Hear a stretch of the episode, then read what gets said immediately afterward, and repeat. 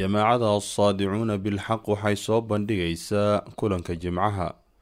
Kulanka jimcuhu waa barnaamij taxana ah oo ay jamaacadu ugu tala gashay in lagu iftiimiyo xaqaa-iqda waaweyn ee islaamka.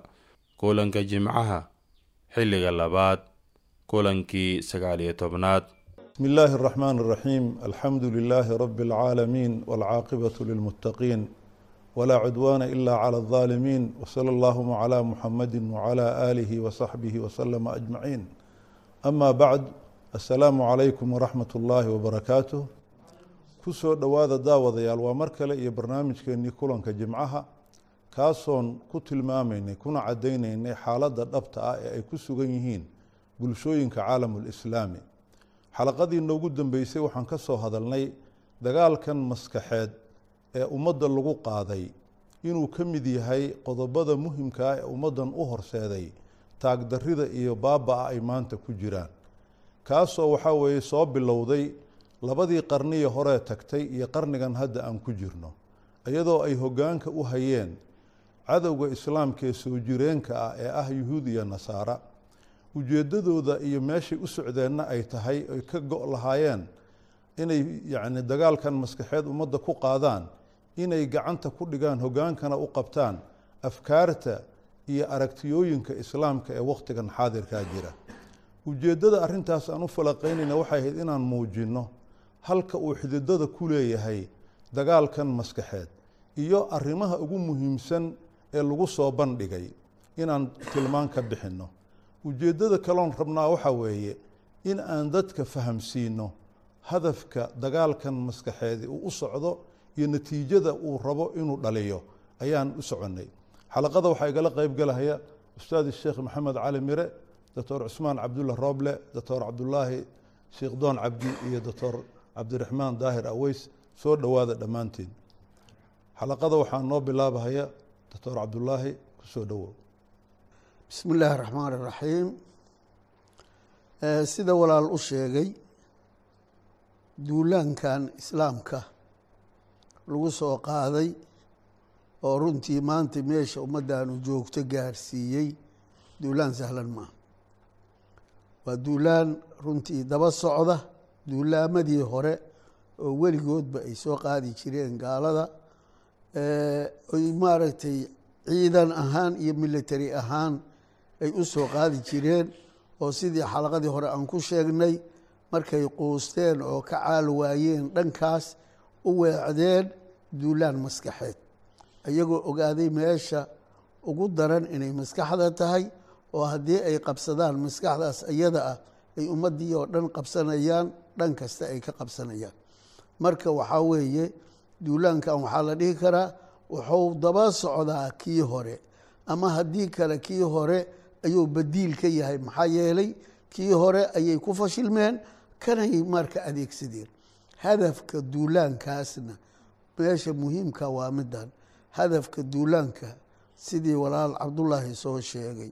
Waxaa weeye dadka shucuubta ama islaamka ku abtirsata shucuubta islaamka ku abtirsata in laga tirtiro islaamka nuxurkiisa. Maxaa yeeley islaamka waa ruux iyo awood muxuu ahaa maaragtay dadka wata aan la hor istaagi karin.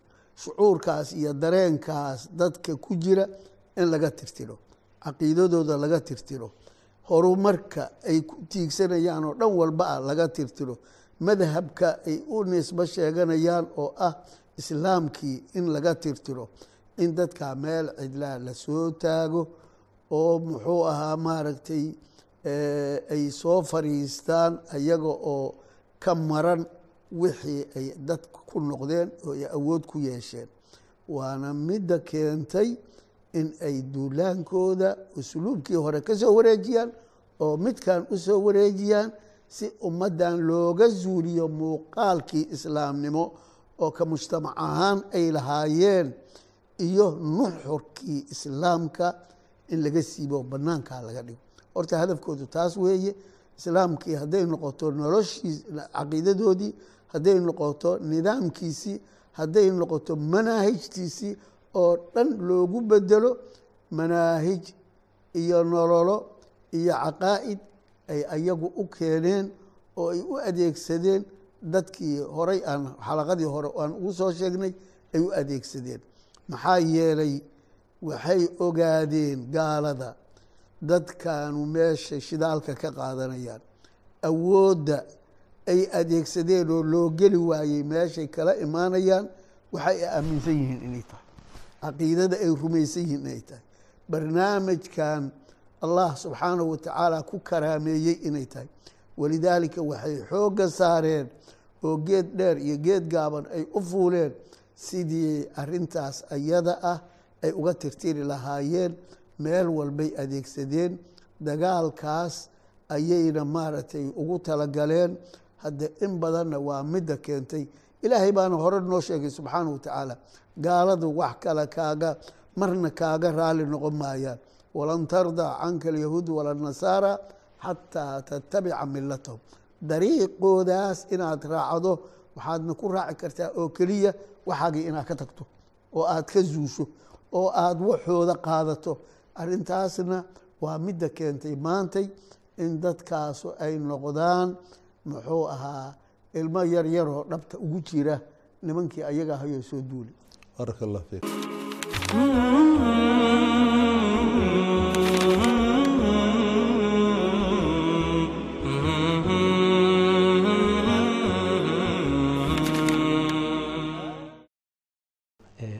intaas walaal cabdulaahi sheegay runtii waxaan ku dari lahaa sida walaalba uu soo xusay. Ummaddaani meesha ay ka ka haysatay gaashaanka ama difaaca ama dhufayska u ahayd waxay ahayd diintooda islaamka iyo ilaahay subxana watala kitaabkiisa iyo sunnadiisa ay ku dheganaayeen ayaa waxay u ahayd dhufays aan marna loo soo geli karin gaashaan ay isku difaacaan oo aan marna loo loo soo dhaafi karin. Nimankan gaaladahay marka oo dadka maskaxda kaga soo duulay oo yuhuud iyo nasaare ahay runtii markay ummaddii u caalwaayeen oo ay arkeen awooddaas inayna sina ku soo geli karin wayna garanayaan inay ummadda awooddeeda halkaas ay ku jirto. Mar walba waxay ka fakaraan marka tab cusub iyo dhagar cusub iyo maleeg cusub oo ay dadkii ugu dusaan oo dhufayskooda ugu galaan. Tabaha ay adeegsadeen waxaa ka mid ah inay ka fakareen oo is yidhaahdeen war si ad yeeshaan baad garan la-dihiina maxaa idiin tala? Talooyinka ay ku fakareen iyo tabaha ay ku soo ku fakareen oo ku soo dhacay waxaa ka mid ah dad ummaddan korka uga eg. Uurkana ayaga kala jira inay adeegsadaan. Ummaddiibay waxay ku dhex beereen marka. Dad ay cabsiiyeen wixii ayagu ay wateen oo markaas dadkiina aysan ka didaynin maxaa yeelay waa korkay uga egyihiin hoosna nimankaasay ka raacsan yihiin. Dadkaasaa runtii marka waxay u noqdeen adeegayaal iyo kabaqaadyaal ummaddii ku dhex jira ummaddiina aysan maadaama ay awooddeedii ay taag daraysiiyeen aysan fahmi karin meesha laga soo galay inay kuwaan u eg yihiin. Runtii marka waxay dhexasiisay ummaddii awooddeedii inay waxaan wax watar ay noqoto inay hoos u dhacdo maxaa yeelay nimankaasaa loo adeegsaday oo hadda maanta burburka iyo baabaa ummaddii ku dhacay oo isugu darsamay labadaas cadow. Cadowgii maskaxda kaga soo duulay iyo cadowgii gudaha ugu jiray oo iyaga ku dhex noolaa ayaa maanta meeshaas ummadda ay joogto. Iyo halkaasaan ka hadlayno aan leenahay war iska jira. Yaan maaragtay meeshaas laydinka soo galay. Iska difaaca. Waxa aan dadka ugu yeerina waxaa weeye war waa ku baaba'aysaan saase. Yaan dadkaas kuwa idinku jira iyo kuwa bannaanka idinka yimid labadaba ka digtoonaada. Taasaan dadka ugu baaqayna oo ugu yeerina aan leenahay si awooddiinnii iyo dadnimadiinnii ay idinku soo noqoto. Baaraka allah fiik doctor cabdiraxmaan hay. Waxaan shaki ku jirin duulaan maskaxeedkaas walaaluhu ka soo hadleen. Inuu xambaarsan yahay khatar weyn. Khatartaasina waxay ku aasan tahay in duulaan maskaxeedkaani uu isku dayey inuu garaaco hoos ka garaaco islaamkii ama dharbaaxa uu ku dhufto dubo weyn uu ku dhufto qarax weyn uu dhigo si islaamkii uu u dumo. Isagoo u adeegsanaya ujeeddadiisuna ay tahay inuu daciifiyo islaamka nuxurkiisii iyo awooddiisii iyo saameyntii uu ku lahaa xayaatada bini aadamka ku lahaa xayaatada dadka rumaysan uu ku lahaa ayagoo daciifinaya una adeegsanaya daciifin ay daciifinayaan inay ka shakilgeliyaan dadkii islaamka asaaskii uu ku dhisnaa iyo qawaaciddii uu ku taagnaa ayagoo dadkii ka shaki gelinaya asaaska islaamkanu wuxuu yahay towxiid ayaa asaaskiisu yahay. Alle keligii in la caabudo ucbudullaaha maa lakum min ilaahin hayru towxiidkaas aayaddaas ay ugu yeerayso dadka ayaa islaamka asaaskiisu yahay. Asagoo iyagoo ka yani waxa weeye ka shaki gelinaya asaaskaas asaga ah. Ayagoo maaragtay waxaa weeye islaamkii isla markaas ka fogeynaya shareecadii ka fogeynaya nuxurkii islaamka ka fogeynaya saameyntii ou lahaa xayaatadii muslimiinta ka fogeynaya. Marka ay ka fogeynayaan ayagoo dadkii ugu baaqaya oo leh maaragtay waxaa weeye waxaan idin gaarsiinaynaa horumar waxaan idin gaarsiinaynaa ilbax waxaan inkala dagaalamaynaa yani dib u ayaa inkala dagaalamaynaa. Yacni waxaa weeye ayagoo sidaa odhanaya ayay maaragtay waxaa weeye dagaal maskaxeedkaas ay muslimiinta ku soo duuleen ayay waxyaalahaas ayay u adeegsadeen. Waxay kaloo u adeegsadeen ummaddii shalay wada jirtay oo dhul maaragtay waxaa weeye yani islaamkii ku faafay deganayd ummaddii inay kala jarjaraan ka ummad ahaan in u kala jarjaraan oo yidhaahdeen adinku ree hebel baatiin adinku ree hebel baatiin adinku reer masar baatiin adinku reer waxaa tihiin kada saa inay u kala googooyaan waddan ahaan u kala googooyaan oo qolaba qayb ay u gooyaan fikrad ahaan ay u kala jarjaraan oo waxaa weye muslimiintii shalay isku caqiide ahayd isku meel u socotay isku mustaqbal ahayd aakhara iyo alla u socotay inay maaragtay ahdaaf kale iyo afkaar kale iyo mabaadi maaragtay xambaarsan afkaartaas inay u dhigaan oo ay ugu yeeraan ay maaragtay waxa weye dadkii ay noloshoodii ku dhisaan. Waxaa maaragtay waxaa weeye shaki ku jirin dadkan qoladan maaragtay muxuu ahaa kiristaanka ah oo shala ku soo duulay muslimiinta. Maantana duulaankii ku haya shala markii ay ku soo duuleen. Oo duulankii la dhihi jiray maaragtay waxaa weeye xuruub saliibiya. Yacni waxaa weeye waxay u adeegsadeen yacni caskar military ahaan ay u adeegsadeen hub ahaan ay u adeegsadeen waxay ogaadeen.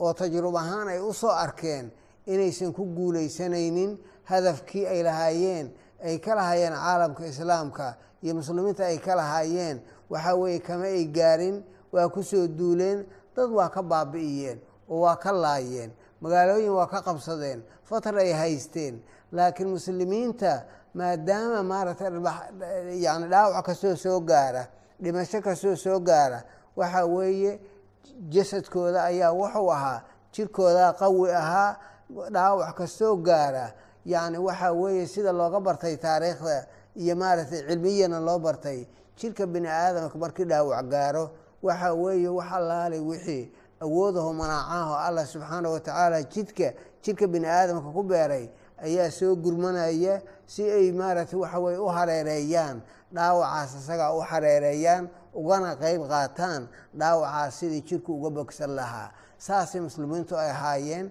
si kastay u daciifaan oo nabar loogu dhufto yacni waxaa weeye markay arkaan gaaladii soo duushay oo military ahaan ku soo duushay waa maaragtay isu qaylo dhaansan jireen waa ka hortegi jireen marna waa ka guulaysan jireen marna yani nabar baa ku dhici jiray saasay ahaayeen. Sidaas darteed yacni nimankii duulaan maskaxeedkan waday oo hadda soo qaaday waxay yani waxaa weeye markii dambe oo ay soo qaadeen duulaankii caskarigahaa oo ay hubka watay keliya kuma aysan imaanin kuma aysan kaaftoomin ay waxay yimaadeen oo muslimiintii ay ku soo noqdeen ayagoo maaragtay waxaa duulaan maskaxeedkan wata oo ka horeeyo kii caskarigaha ka horeeyo oo uu la socdo markuu soo gelayo kan caskariga markii uu baxana uga dabamaraya si uu hawshiisi u sii fulo u sii fuliyo muslimiintii wuxdadoodii u kala gooyo afkaartoodii maaragtay waxa weye u kala jejebiyo manaacadii uu maaragtay ka dilo yacni saas ayuu ahaa. Sidii ayuuna maanta waxa weeye ayuu weli wadaa. Yacni muslimiintiina oo ku baabi'iyey kuna maaragtay waxa weeye meesha ay maanta marayaan oo ku gaarsiiyey. Waxaan marka dadka aan ugu baaqaynaa war wixii shalay aad ku lahaydeen manaaco awood aad ku lahaydeen muslimiin aad ku ahaydeen waa diintii xaqa ahayd weeye towxiidkuuna ou ahaa asaaskii yacni diintan ay ku dhisnayd ka shakigeliyey asaaskiisa. Sidaas darteeda waxaan idin leenahay ucbudullaaha maa lakum min ilaahin hayr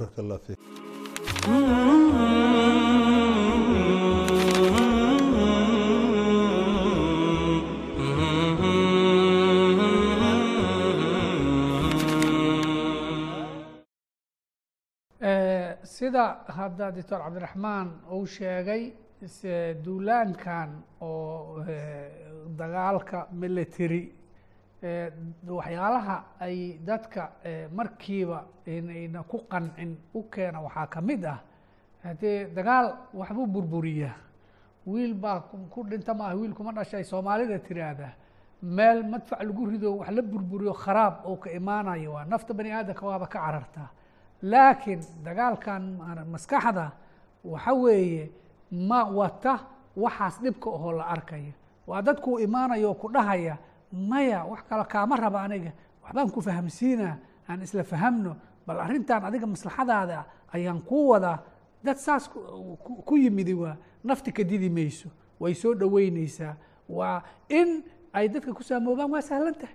Midda kale dagaalkan duulaanka fikirka markay ku soo qaadayeen nimankan reer yuruban oo dhulalka muslimiinta qabsaday fikraddaana ku faafinayay waxyaalahay adeegsadeen waxaa weeye waxay u fureen dadkii nafta bani aadamka waxyaalihii jecleed tumashadii raaxadii wixii maaragtay dalxiiskii wax alla wixii dadka lagu mashquuli lahay. Heesihii banoonigii maxaan ku ihahdaa wax alla wixii dadka bani aadamka markay xoogaa daciifaan caqiidadooda ay daciifto oo shahwaadkooda iyo naftooda maaweelo u ahaa ayaa inta loo daadiyey lagu mashquuliyey intay intaa ku sii mashquulsanaayeen ayaa shaqo laga qabtay oo afkaartoodii la bedelay oo waxyaalihii dhaqankooda ahaa ee la bedelay akhlaaqdoodii la bedelay sharciyadii iyo wixii ay ku dhaqmayeen oo islaamka ugu habaysnaa laga laga bedelay iyagoo aan ogeen oo lagu sii jeediyey waxyaalaha loo daadiyo waa mid. Qodobka kale waxaa weeye waxay dabada ku wadatay markay uu hirgelayay fikirkan maaragtay gaalada ay keentay waa wakti inta badan caalam islaami ayagiiba ay qabsadeen oo ay xukumayeen oo military ahaan xataa ay u qabsadeen oo dadkii madaxda ah sideedaba oo kaa xoog badan oo kuu taliya oo arrimahaadoo dhan gacanta ku haya waxa ay wataan way sahlan tahay dadka inay qaataan. Marka iyagoo horta meeshiiba gacanta ku dhigoo dadkii xukumay ah ayaa waxay haddana ku darsadeen waxay dadka ugu yeerayaan oo ay ku dagayaan oo afkaartooda ka dhex dusinayaan xoogaa wuxuu xambaarsanaay waxaan la yidhaahdaa berberiqa ilbaxnimada bariiq ilxadaara oo ah nimanka markay imaanayeen technolojiya aan hore loo aqoonin ay wateen aqoon aysan dadkaan hore u lahayn ay wateen maaragtay qalab aysan hadda ka hor adeegsan jirin noloshooda wax badan ka bedelo wax badan u fududeeyay bay wateen. Waxa waxaas marka maadiga ah oo nacfina leh daahirkooda hadda ay nacfi leeyihiin oo bani aadamka u baahan yahay markii loo loo maarata loo daadiyey oo la yiri haddaad waa waxaas waxay ku yimaadeen annagu diintayni kataati kiristaanka meel baan dhiganay aqoontaana u soo jeesanay horumarkaana u soo jeesanay haddee idinkana waxa weye waxaad ku dhegantihiin iska daayo kaaliya isfurfuro oo haddee waxaan wanaagsan so wax wanaagsan ma aha. Haddee waxayd ku gaari laheed annagana sidaan u helno kale aad ku heli laheedeen na soo raacaa la yidhi. Waa lagu caqli xaday marka. Ma waxaa loogu suureeyey xoogaa yaroo berberiqa oo ilbaxnimada iyo qalabkan ay wataan oo casriga ah haddii la rabo in maaragtay la helo in diin meel iska dhigo. Ayaa sidaasaa laga qanciyey oo in badan ba leeyihiin intan diin iyo ku dheganaho wadaad noo talinaho waxaa lama ogolo waxaasna ma maaragtay la leeyahay waxa weeye weligaan horumar gaari mayno. Afkaartaas baa la cabsiiyey. Marka arrin ninkii ku talinayna uu wato waxyaala maaragtay dadka soo jiitana maaragtay meesha loo dhigay way sahlan tahay in maaragtay lagu saamoobo. Saamowgii marka muxuu keenay. Waxaan dhan ayaga taladooda waxay ahayd sida horeba loo soo sheegay arrimihii asaasiga ahaa diinta in inta waxaan lagu mashquulsan yahay maalinba mid laga duro. Waxaan jeclaa lahayn meelaha ugu daran oo arrimaha asaaska diinta u ahaa oo markiiba dadka muslimiinta ah looga tuuray shubha looga tuuray ama waxyaala. Horta bal inay dib ugu fikiraan oo ayna iskaga dheganaanin waxoodii hore ay tahay. Qur'aankii baa waxyaalo badan shaki looga geliyo la yihi iskuulaadka waxa lagu dhigaa iyo jaamacaadka waa naqaana la yihi qur'aankan waktigii dambe oo cusmaan bin cafaan baa maaragtay maxaan ku ihahda waxaan hadda qoran la qoray yaa intaas sanaa ka wareegtay soo wax ma dhumi karaan soo wax ma lagu darsan karo oo xataa qiraa'aadkii qur'aanka maaragtay maxaan ku ihahdaa oo kelimada si looga dhawaaqa saxaabada qofba si ugu dhawaaqa la waa kana mujeedin inuu iskhilaafsan yahay. Qur'aankaa loo tagay. Rasuulkii salawatu lla sunadiisa axaadiista la oo xadiis daciifa sooma maqlin. Hadiyaaba ku kalsoonaa karba wixii axaadiista ahaaba waxa weye waa wax badanaaba laleeyahy waa khalade see waa xadiiskii o dhama meeshaa lagu tagay. Rasuulkii baa siiradiisii iyo dhaqankiisii iyo wixii dhacdooyinkii dhacay ee shubha laga geliyey. Waxaa loo soo dhigtay tiniciyo kale shareicadii oo ah waxyaalo badan in la yihi culimmada baa isku khilaafsan tahay. Oo haddii taas la qaato maxaa ku jaban? Qiil iyo raadi. Shareicadii waa la soo galay. Iyadana waxyaalo badan oo shubaha ayaa lagu furay oo ahayd agtooda muqadas ka ahayd iyadana waxbaa lagu furay.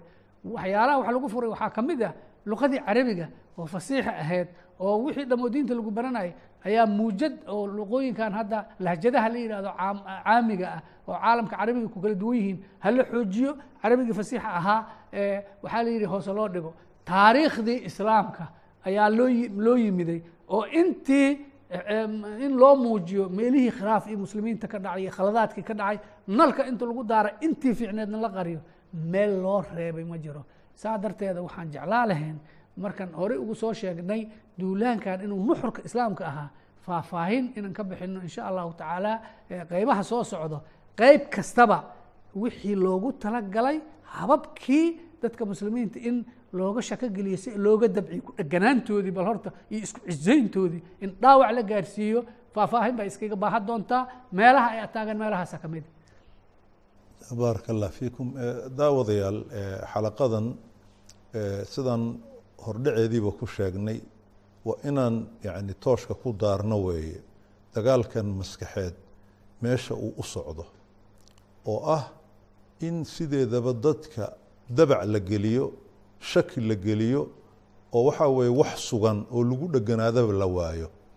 Waxaana u malaynayaa cid kastoo maanta wax akhrisa ama aqoon lihi inay og tahay caqiidada islaamka iyo shareecada islaamka iyo kitaabkii ilaahay subxaanahu wa tacaala iyo axaadiistii nabiga calayhi salaatu wasalaam iyo shakhsiyaddii nabigu calayhi salaatu wasalaam inaan midna nabadgelin oo kulligood war lagu furay oo dad maanta islaam sheeganhaya ay la soo taagan yihiin waxaa weeye anigu waxaan leeyahay shareeco in laysku xukumo maya. Waxaa weeye maraykan yaa naga fiican oo naga caqli badanoo diin iyo way kala saareen muxuu ahaa iyo iyo iyo nidaamkii nolosha waxayna ku ogyihiin bayna u kala saareen waxaa weeye dad islaamkii sheeganhaya bal cilmi sheeganhaya ayaa waxay faragelinhayaan wax alla wixii ummaddaas muqadasaad ay lahayd. Dagaalkani marka sida la tilmaamay waxaa weeye waa dagaal dabacsan oo aan dadka didinaynin. Isagoo ka faa'iidaysanhaya bini aadanka shahawaadkan isaga abuuran ee ah inuu iska muquurto ah takaaliifka cararka ah oo dadku usan culays rabin ayagoo ka faa'iidaysanhaya dhinaca kalena ka faa'iidaysanhaya dibudhicii aan ka soo hadalnay ee ummaddan ku dhacay uguna muujiyey wixii u sababay inuu yahay islaamka. Iyadoo waxa u sababay ay tahay ka tegiddii ay islaamka ka tageen. Taasaa marka waxay sahashay inay dadkii si dhib yar u qaataan. In badanoo de ka mid ihinaba waa moogayaalo waxa la haystaba may ogaba. Sidaa daraaddeed waxaan leenahay wardadyahow haddii islaamnimadan aada sheeganaysaan idinka dhab tahay haddii asalkiinni u laabta. Kitaabkii ilaahay u laabta sunnadii nabiga u laabta cadowga aada leedihiinna garta oo waxa weeye cadowgu waa idin hodahayaaye ha raacina intaan xalaqo kale ku kulmayno waxaan idin leenahay sidaasyo wasalaamu calaykum waraxmat ullaahi wabarakaatu هذا بلاغ للناس ولينذروا به وليعلموا أنما هو إله واحد وليعلموا أنما هو إله واحد وليذكر أولو الألباب